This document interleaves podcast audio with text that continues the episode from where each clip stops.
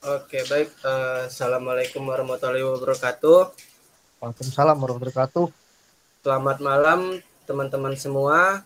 Selamat malam Bung Arma. Malam. Oke, uh, gimana Bung kabarnya sehat? Alhamdulillah sehat, merdeka. Sehat, merdeka, merdeka. Oke, uh, kali ini uh, tema podcast kita itu mengenai uh, komunisme dan sosialisme yang akan uh, dibawakan oleh Bung Arma. Kita berbincang-bincang sedikit ya Bung mengenai yeah. komunisme dan sosialisme. Hmm. Oke, okay, uh, kalau menurut Bung Arma sendiri, uh, bagaimana sih terciptanya uh, ideologi komunis itu sendiri? Oke, okay, oke. Okay. Apa uh, cikal bakal yang menjadikan uh, dasar ideologi komunis berdiri? Oke, mungkin kita mulai dulu dari sosialisme ya, Bu. Sosialisme baru kemudian komunisme. Boleh, sosialisme boleh. sendiri. Sosialisme atau okay. komunisme yang duluan tidak masalah. Oke, sosialisme itu kan berasal dari kata sosial dan isme. Isme itu berarti sebuah paham pemikirannya, ideologi itu. Sosial sosialis yang berarti kata di sosialis berarti adanya ikatan sosial. Berarti bisa di kita pahami bahwasanya ideologi yang dekat dengan bagaimana ikatan sosial atau bisa dibilang dalam teori sosiologi itu adalah kohesi sosial. Nah, sosialisme ini bertujuan untuk apa?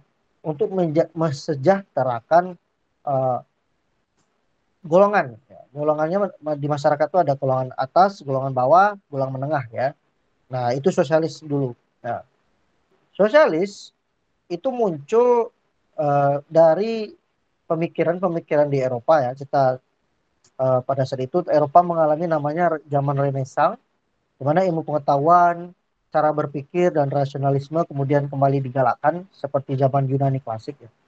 Nah, banyak para ahli seperti Auguste Comte, seperti apa ya, René Descartes dan banyak ahli-ahli lainnya, para para filsuf itu kemudian uh, menelurkan banyak pikiran yang nanti akan berakumulasi uh, menjadi suatu paham yaitu sosialisme yang di mana sosialis ini adalah menitik beratkan pada per, uh, kesejahteraan masyarakat secara luas gitu. Nah, ini juga nggak dipungkiri dengan perkembangan revolusi, terutama revolusi industri di Eropa ya. Bagaimana terciptanya mesin uap dan terbukanya komunikasi melalui telegram dan kemudian nanti dilanjutkan kabel telepon ya. Dan juga dibukanya pelayaran pelayaran internasional ya. Adanya terusan Suez yang membuat eh, ide-ide uh, ini semakin berkembang sampai ke Indonesia. Pada saat itu Indonesia masih dijajah. Oke kita sebelum masuk ke Indonesia di Eropa sendiri di negara uh, sosialisme ini berkembang awalnya di negara-negara besar ya. Industrialis seperti Inggris, Perancis sampai dengan Jerman. Ya tiga negara ini sampai sekarang itu besar dalam uh, ideologi sosialis ya. Bahkan partai-partai sosialis atau bisa dibilang partai uh, yang memiliki ke kata apa ya keberpihakan dengan uh, masyarakat masyarakat kecil terutama masyarakat luas itu banyak eksis di negara ini. Contohnya adalah Partai Buruh di Inggris ya. Partai Buruh di Inggris. Jadi itu sangat uh, uh, sering menang dalam pemilu di Inggris. Nah, sosialisme itu intinya teman-teman adalah sebuah ideologi yang muncul tidak ujuk-ujuk atau tidak tiba-tiba, tapi dia muncul dalam proses sejarah. Dia muncul dari berbagai pengalaman-pengalaman, berbagai pandangan-pandangan para filsuf yang kemudian menjadi sebuah ideologi yang dipakai banyak pemerintahan di, di Eropa pada saat itu hingga saat ini pun masih ada beberapa pemerintahan yang memakai gitu. Nah, oke okay, sosialisme seperti itu. Kemudian kita akan transisi ke komunisme. Nah, komunisme dan sosialisme itu berhubungan. Nah, sosialisme dengan memperjuangkan masyarakat. Nah, komunisme ini kita bisa tarik ketika Marx, yaitu Karl Marx, ya. Karl Marx beserta temannya Heinrich Engels, ya, itu membuat suatu buku yang fenomenal yang sampai sekarang uh, dinamai Das Kapital ya. Ada satu, dua, dan tiga, tiga, tiga jilid. Itu namanya Magnum Opus ya. Magnum Opus itu adalah karya-karya yang lahir dan cukup lama bertahan di, sebagai sebuah bacaan ya. Sampai sekarang dia lahir pada abad ke 17 18 kemudian sampai abad 21 masih dibaca. dan menjadi uh, referensi ketika uh, seseorang atau seorang peneliti atau ahli ataupun kita sebagai seorang mahasiswa itu melihat fenomena sosial. Nah, Mat bilang bahwasanya apa yang menjadi kesengsaraan dalam masyarakat itu adalah kapitalisme itu sendiri. Bagaimana kaum pemodal itu memanfaatkan sedikit modalnya untuk meraih untung sebesar-besarnya. Dengan apa? Memperalat atau menindas buruh tadi. Nah, terkait fenomena itu, Mark juga lihat bahwasanya eh, para buruh-buruh ini di apa ya dilenakan atau dilalaikan dengan berbagai uh, cara oleh para majikannya seperti diberi uh, libur hari Sabtu Minggu hari pekan untuk uh, ke gereja atau apa untuk beribadah. Dan dia didorong oleh apa ya uh, oleh pemodal tadi pengusaha tadi untuk ber, ber, berinfak atau ber apa ya ber, menyumbang gitu kan kepada gereja.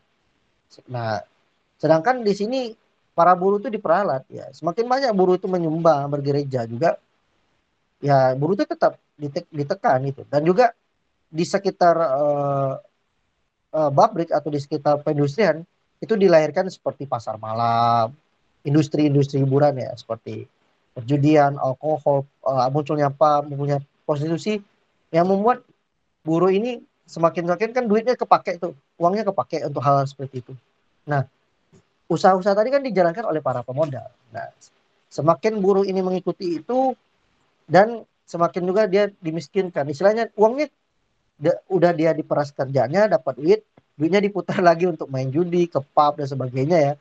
Dan itu membuat dan yang punya itu adalah seorang pemodal tadi. Itu membuat uh, pusaran setannya seperti itu aja tuh sampai si buruh akhirnya mati atau digantikan gitu. Jadi begitu. Itu terjadi dan Marx melihat fenomena itu dan makanya uh, agak kontroversial ya teman uh, rekan-rekan di game ini Bung Sarina karena ada dalam kutipan dalam Das Kapital itu bilang agama adalah candu. Nah, agama adalah candu ini bukan sebuah paham yang melihat ateisme bukan karena Marx itu berangkat dari bagaimana buruh itu dilenakan gitu. Dilenakan, oh kalian ayo kalau kalian mau kaya itu ya menyumbang banyak-banyak ke gereja. Gitu. Nyatanya gereja itu juga punya ikatan kuat dan ikatan ya istilahnya kontrak apalah dengan para pemodal tadi pengusaha tadi gitu jadi itu yang membuat Mark bilang agama adalah candu. Nah, bukan ya agama candu ini jadi perdebatan sekarang ya kan. Ada komunisme itu ateisme ada komunisme yang yang apa ya agama. Sebenarnya secara eh, secara apa isme itu adalah ideologi. Dia lahir sebagai sebuah gagasan atas sebuah fenomena sosial. Nah, sedangkan komunisme yang di, ingin dicapai Marx adalah apa? Yang dibilang adalah masyarakat tanpa kelas. Jadi tidak ada namanya kelas, makanya kelas kaya, kelas elit, kelas menengah, kelas bawah itu nggak ada.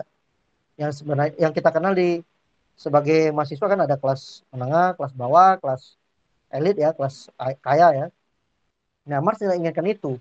Makanya Marx bilang uh, harus adanya uh, uh, adanya sebuah apa revolusi ada harus adanya sebuah uh, apa yang namanya uh, perubahan sejarah misalnya ya maksudnya buruh harus melawan untuk mengambil alih dan membuat negara itu membuat tanpa kelas ya. Nah, komunisme ini berkembang luas juga sama seperti sosialisme berkembang luas sampai ke Indonesia.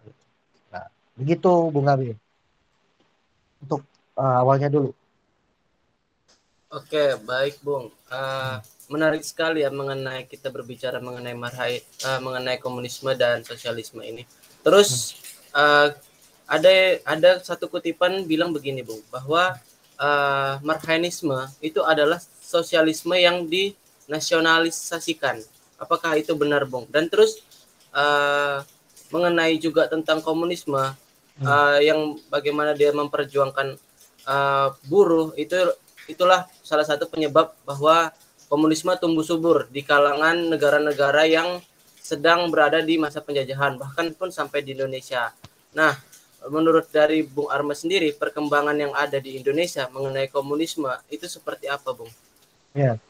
Oke, okay, ya tadi kita banyak kita belajar Marxisme kan. Di Marxisme itu ada satu kutipan atau satu pernyataan bahwasanya Marxisme itu adalah sosialisme ala Indonesia. Oke, kita simpan dulu itu. Kita lihat dulu perkembangan sosialisme dan komunisme ini datang di Indonesia. Kenapa datang ke Indonesia? Itu juga pengaruh dari revolusi industri. Pengaruh dari munculnya kapitalisme tadi ya. Karena backgroundku S1 sejarah, uh, aku belajar bagaimana sebuah perkembangan globalisasi itu nggak cuman soal teknologi, tapi soal ide. Nah, globalisasi itu yang kena kita kenal sekarang itu sudah mulai dari abad 18 ya. Nah, ide yang masuk Indonesia itu kan juga sosialis dan komunis. Kalau kita tarik di sejarah, komunis yang pertama datang ke Indonesia, sosialis itu berawal dari seorang nama namanya Hank Snellit. Dia seorang uh, propagandis atau istilahnya tokoh politik uh, dari SDV. Itu sebuah lembaga uh, perserikatan buruh ya, kereta api terutama. Nah, Snellit ini orang Belanda dan dia punya cara untuk mendekati para pribumi.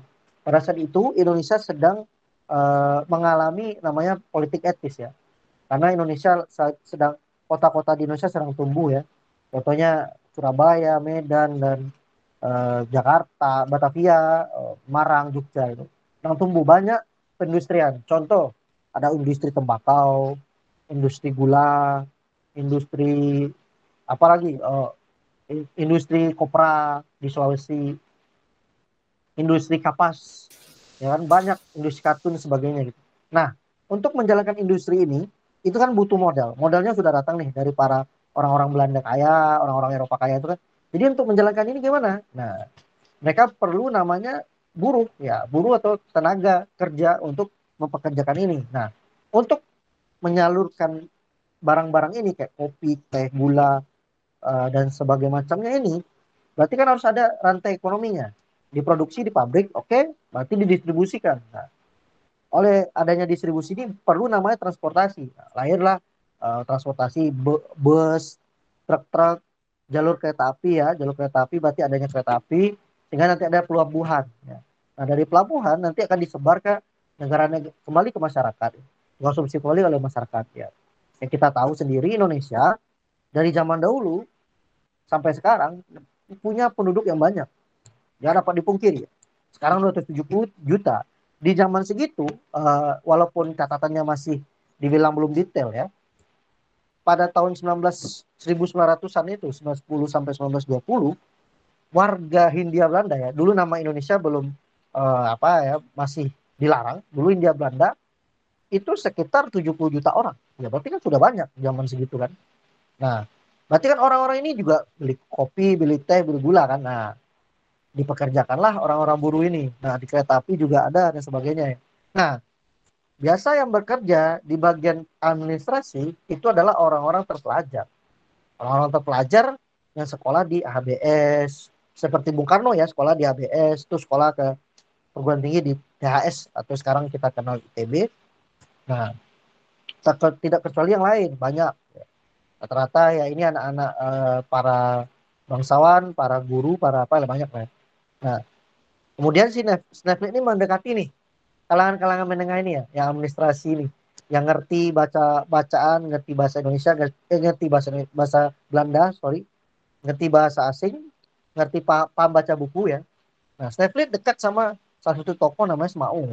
Nah, Semaun ini dulu adalah tokoh dari Sarekat Islam Zakat Islam itu adalah organisasi besar ya yang berdasarkan uh, Islam untuk memperjuangkan ekonomi rakyat kecil ya. Ya dipimpin dipimpin pemimpin terbesarnya itu adalah Haji Omar Said Cokro Aminoto, Kos Cokro Aminoto. Yang dikenal dengan Bap Bapak Kos, Bapak Bangsa. Gimana? Karena dulu Haji Omar Said ini kan tinggal di Surabaya, di Gang Penele. Nah, rumahnya itu dijadikan indekos bagi para pelajar. Ada yang tinggal di sana itu adalah Soekarno, ada di sana tinggal Muso, ada Semaun, nah ada Kartosuwiryo. Nah orang tiga ini kan nanti kan melahirkan ideologi yang beda-beda. Soekarno dengan ideologi nasionalismenya, satu Kartosuwiryo dengan ideologi Islamnya, Muso dan Semaun dengan ideologi dan Alimin dengan ideologi komunisnya. Nah, tiga nama terakhir, Muso, Alimin dan Semaun, ketika dia menjadi anggota SI dan aktif di Sarkat Islam Semarang, dia dipengaruhi oleh Sneflit dengan baca-bacaan dan pamflet-pamflet dan akhirnya mereka setuju bergabung dengan uh, ISDV yang kemudian nanti si tiga tiga kompatriot ini Muso Semaun dan Alim ini bikin uh, organisasi baru SI Merah ya. SI Merah. Nah, kemudian nanti berubah jadi nama Partai Komunis Indonesia. Nah kemudian Partai Komunis Indonesia ini tahun 20 langsung melakukan pemberontakan pertama untuk ke, kepada Belanda. Tahun 26 dia lakukan pemberontakan di Klaten di Silungkang Sumatera Barat dan di daerah Jogja beberapa daerah di Jawa ya namun gagal ya karena belum terorganisir ya dengan baik dan banyak para aktivis komunis pada saat itu dibuang ke Popendigul. Ya. Nah, tapi nggak sampai segitu komunisme itu terus ber, berkembang seiring apalagi ada salah satu tokoh yang cukup penting di sejarah kita itu namanya Tan Malaka ya. Tan Malaka itu eh, berangkat ke Soviet ke Moskow. Dia dipilih menjadi anggota Komintern. Komintern itu apa? Yaitu Komunis Internasional. Nah, dan Tan Malaka ini adalah orang Indonesia yang diserai tugas untuk menyebarkan, mempropagandakan kalau paham komunis di Asia Tenggara pada saat itu ya. Nah, kemudian oke okay, Tan punya banyak jaringannya, dia berkeliling se Asia Tenggara gitu. Kemudian di tahun 30 uh, eh, Belanda, dunia, dunia ya, dunia itu krisis ekonomi, jatuh harga-harga yang kemudian munculkan namanya pergerakan Indonesia. Nah, pergerakan Indonesia ini yang dimunculkan mulai oleh Soekarno tahun 27 itu lewat uh, partainya sendiri itu PNI ya. Nah, lewat uh, uh, sebuah klub ya klub diskusi dulu Algemene Study Club di THS ITB kemudian baru jadi PNI terus ada Sahrir ada Hatta nanti di PNI baru dan dan Soekarno pada saat ini pada kemudian setelah PNI berdiri dia menulis banyak tulisan yang di, di harian ya di hari merdeka di pikiran rakyat yang sekarang dikumpulkan jadi satu ya uh, Bung dan Sarina yang kita kenal dalam sebuah buku namanya DBR. Nah, di bawah benar revolusi. Nah, tulisan DBR itu semua lahir dari pemikiran Bung Karno pada masa pergerakan yang terpengaruh ya. Soekarno melihat ada tiga uh, ideologi atau paham yang uh, besar di Indonesia dan mampu memerdekakan bangsa Indonesia. Kita tahu sendiri di halaman pertama, bab pertama di DPR itu ada nasionalisme, Islamisme dan Marxisme. Ya. Jadi Soekarno langsung menjabarkan ada tiga nih kelompok yang besar di Indonesia pada saat masa penjajahan. Nah, di sini ada Marxisme yang sama dengan tema sekarang. Nah, Marxisme ini dia punya eh, apa ya uh, ada dua ideologi yang memakai Marxisme ada sosialisme dan komunisme ya. Nah itu. Jadi uh, apa yang dibilang Bung Karno mungkin uh, yang kita kenal bagaimana Marxisme adalah sosialisme ala Indonesia itu adalah bagaimana Soekarno mengkreat mengkreasikan meng apa ya me, apa membuat sebuah inovasi. Bahwasanya masyarakat Indonesia itu berbeda uh, apa ya berbeda cara uh, kondisi sosialnya. Contoh di Eropa itu kan besar kaum buruhnya ya, proletar ya, proletar itu.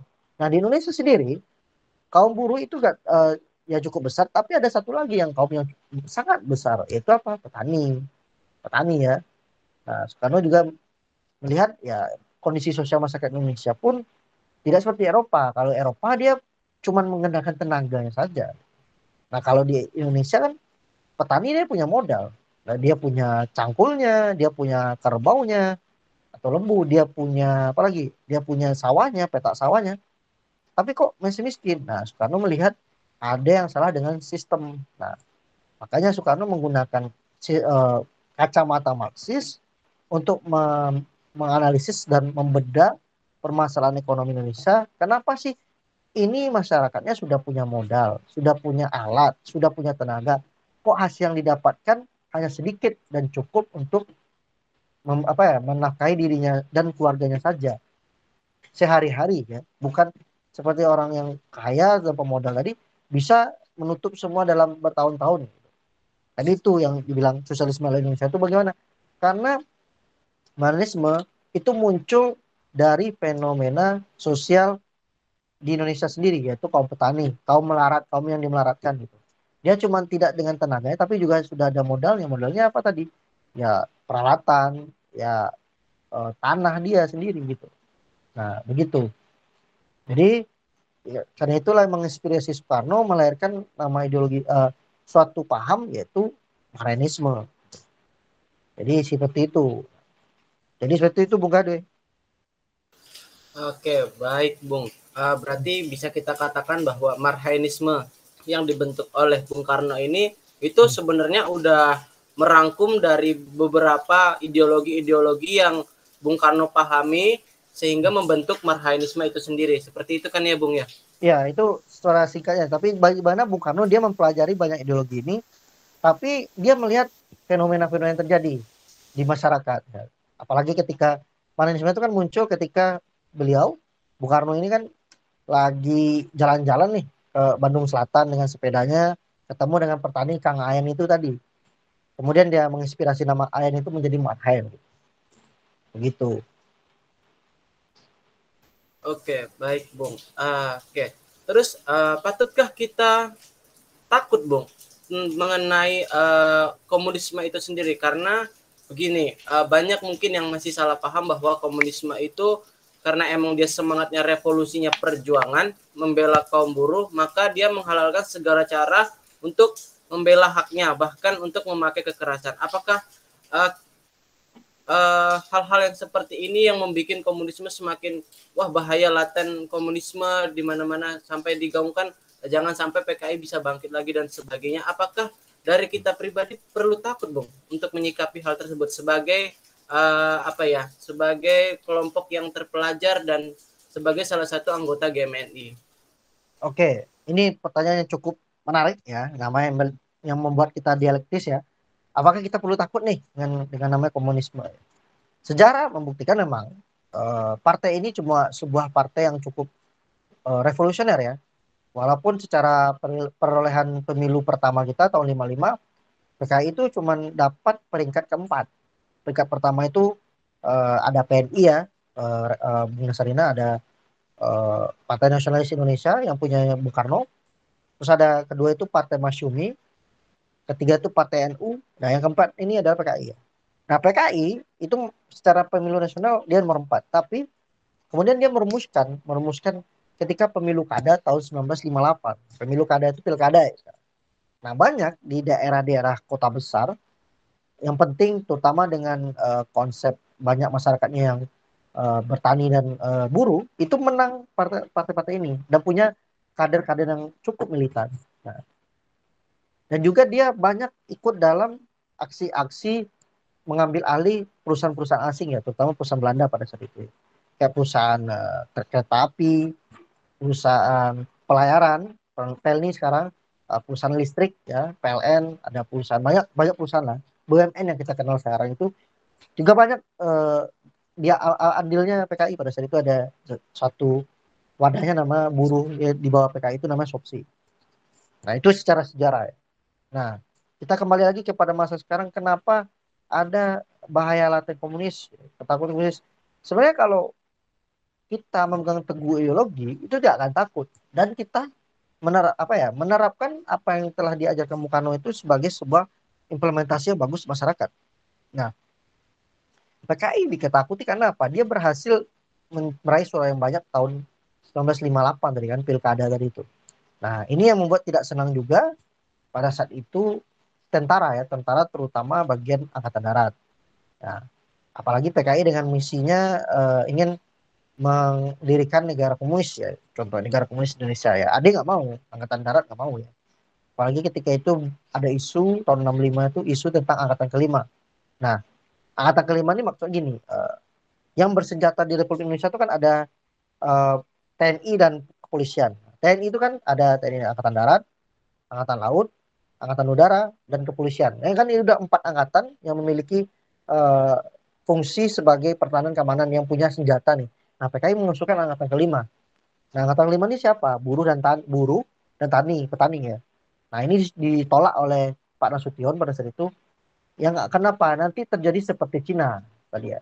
Karena pada saat itu Cina mempersenjatai buruh dan tani, jadilah uh, pembantaian besar-besaran ya. Dan apa yang terjadi tahun 65 itu berpanjang berimplikasi dengan uh, sekarang gitu ya. Oke, komunis itu sudah mati istilahnya. Orang-orangnya pun bahkan kalaupun masih hidup, uh, ide ideologinya di Indonesia ya bisa dibilang hampir ya sekarat atau koma atau gimana lah, nggak bisa bangkit lagi. Apalagi orang-orang yang dulu ikut itu sekarang sudah sepuh, ya, sepuh umurnya udah 80 tahun, Bung. Jadi untuk membangkitkan uh, partainya sudah susah, apalagi badannya pun sudah renta dan banyak ya keterbatasan ya penyakit dan sebagainya gitu. Ya ketakutan-ketakutan itu kan dipelihara oleh negara kita supaya apa? Jadi sebuah negara itu, sebuah negara dalam teori negara, aku mengutip dari Profesor Salib Said, akan kuat, akan sustain jika dia punya musuh bersama. Contoh, kenapa negara Korea Selatan selalu berkembang? Karena dia punya musuh, yaitu yaitu Korea, Korea Utara. Kenapa Sigmapura itu selalu memacu dirinya? Karena dia punya adalah satu negara yang mayoritas uh, Tionghoa, batas Cina di tengah lautan eh, negara-negara yang berbasis etniknya Melayu atau Islam ya, masyarakatnya. Contoh Singapura kan dikelilingi oleh Malaysia, dikelilingi oleh Indonesia, ada Brunei juga. Nah itu. Jadi ada penciptaan musuh bersama. Nah di Indonesia apa musuh bersamanya? Ya tadi bahaya atau komunisme karena komunisme itu uh, ingin bertujuan untuk ya mengubah NKRI ini gitu kan awalnya tahap awalnya gitu pada tahun 65 itu nah itu menjadi uh, musuh bersama bagi pemerintah Orde Baru yang terus dilanggengkan dengan bahaya laten komunis. Dan kita disuruh menonton film pemberontakan G30 SPK yang yang lamanya itu tiga jam hampir empat jam ya. Jadi itu yang digunakan oleh pemerintah atau negara ya untuk menciptakan apa? Aware tuh apa ya masyarakat terus lo ini loh bahaya kita bahaya laten komunis. Padahal masih banyak bahaya-bahaya lainnya sebenarnya kalau kata Pak Salim Said aku mengutip ada bahaya bahaya terorisme bahaya radikalis atau fanatisme beragama sekarang-sekarang kita lihat ada namanya ISIS jamaah Al-Qaeda dan sebagainya itu kan bahaya juga. Nah terus diciptakan. Karena apa? Ya kalau nggak diciptakan ya apa yang menjadi dasar sebagai apa ya tentara Indonesia untuk bisa dipercaya masyarakat? Kalau kata Pak Sam Said atau Profesor Sam Said aku mengutip jadi kenapa harus takut dengan komunis kalau kita bisa menjalankan nasionalisme maranisme gitu ya, juga tahun 55 PLD juara satu, nomor satu kan pemenang pemilu gitu nah, dan uh, sekarang kan bukan takut uh, dengan komunisme lagi, uh, Bung. Tapi kita takut bagaimana kita tidak dapat menjalankan apa yang diciptakan oleh sedikit lah. Gak mungkin dari 10 misalnya kan 10 soal yang 10 perihal yang di, dianjurkan oleh Bung Karno mungkin nggak semua kita jalankan. Oke okay, kita satu persatu menjalankan gitu. Seiring berjalannya waktu. Ya. Nah itu. Yang kita katakan adalah diri kita sendiri. Apakah kita mampu tetap teguh dengan uh, nilai ini atau beralih nanti jadi ya itu jadi yang penindas penindas baru atau yang menindas rakyat tadi? Gitu bung Gabe. Oke baik bung. Uh, benar sekali apa yang dikatakan oleh bung Arma seharusnya kita sebagai kaum terpelajar dan juga anggota GMN seharusnya tidak perlu takut dengan uh, bangkitnya ideologi komunis itu sendiri di Indonesia karena ya ideologi komunis itu bisa dibilang udah lama mati dan untuk mau dibangkitkan lagi susah. Mungkin hmm. seperti itu ya, Bung yang Ya, saya benar. Hmm. Oke, uh, terima kasih Bung buat buat penjabaran mengenai komunisme, buat mengenai sosialisme juga sudah sudah hampir sekitar 30 menit kita berbincang-bincang mengenai hal tersebut. Uh, mungkin dari Bung Arma ada closing statement yang mau disampaikan untuk uh, para kader-kader kita yang mau mengikuti KTD uh, eh, Komisariat Paperta nanti uh, terkait dengan uh, apa ya istilahnya uh, ideologi komunis ini sendiri ataupun sosialisme ini sendiri ataupun bahkan uh, mengenai Marhainis. Mungkin dari Bung Arma ada uh, closing statement. Hmm, oke, okay. uh, terima kasih uh, atas rekan-rekan uh, Bung dan Sarina yang akan mengikuti kaderisasi tingkat dasar di komisariat uh, eh, GMNI Fakultas Pertanian UGM ini ya. Uh, dari materi ini tentang sosialisme dan komunisme, Jadi jangan alergi bagi uh, teman-teman melihat video sebuah ideologi itu. Sebuah ideologi itu punya namanya dasar. Dia punya namanya apa yang diperjuangkannya. Jadi jangan takut dulu, jangan misalnya jangan merasa jijik dulu ya. Nah, ketika teman-teman belajar sedikit demi sedikit tentang ideologi itu, jadi uh, rekan teman-teman paham gimana kenapa teman-teman memilih namanya Marxisme ini. Karena sebagai suara Indonesia yang menjunjung tinggi Pancasila dan menjunjung tinggi juga uh, nasionalisme, justru hal yang wajib ya. Maksud, maksudnya sebagai kader GMN itu mengetahui sebuah ideologi itu sebagai apa? Sebagai sebuah pelajaran, sebagai sebuah pembanding dan sebuah, sebagai sebuah apa?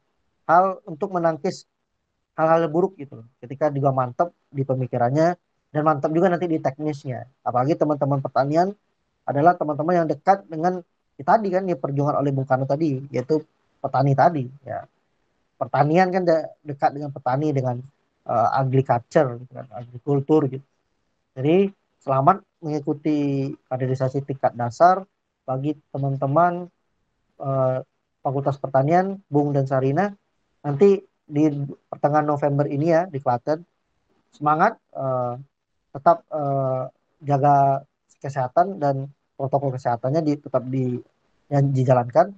Dan juga jangan pernah berhenti untuk uh, apa istilahnya uh, diam uh, jangan pernah berhenti untuk diam jadi maksudnya jangan pernah berhenti harus bertanya terus oh, bertanya berdiskusi dan jangan sungkan untuk bertanya dengan kita kita ini ya angkatan-angkatan ku ini kita bakal bisa meluangkan waktu kalau Bung dan Sarina mau berbagi dan mau berdinamika dan berdiskusi dengan kita ini. Uh, begitu saja dari aku.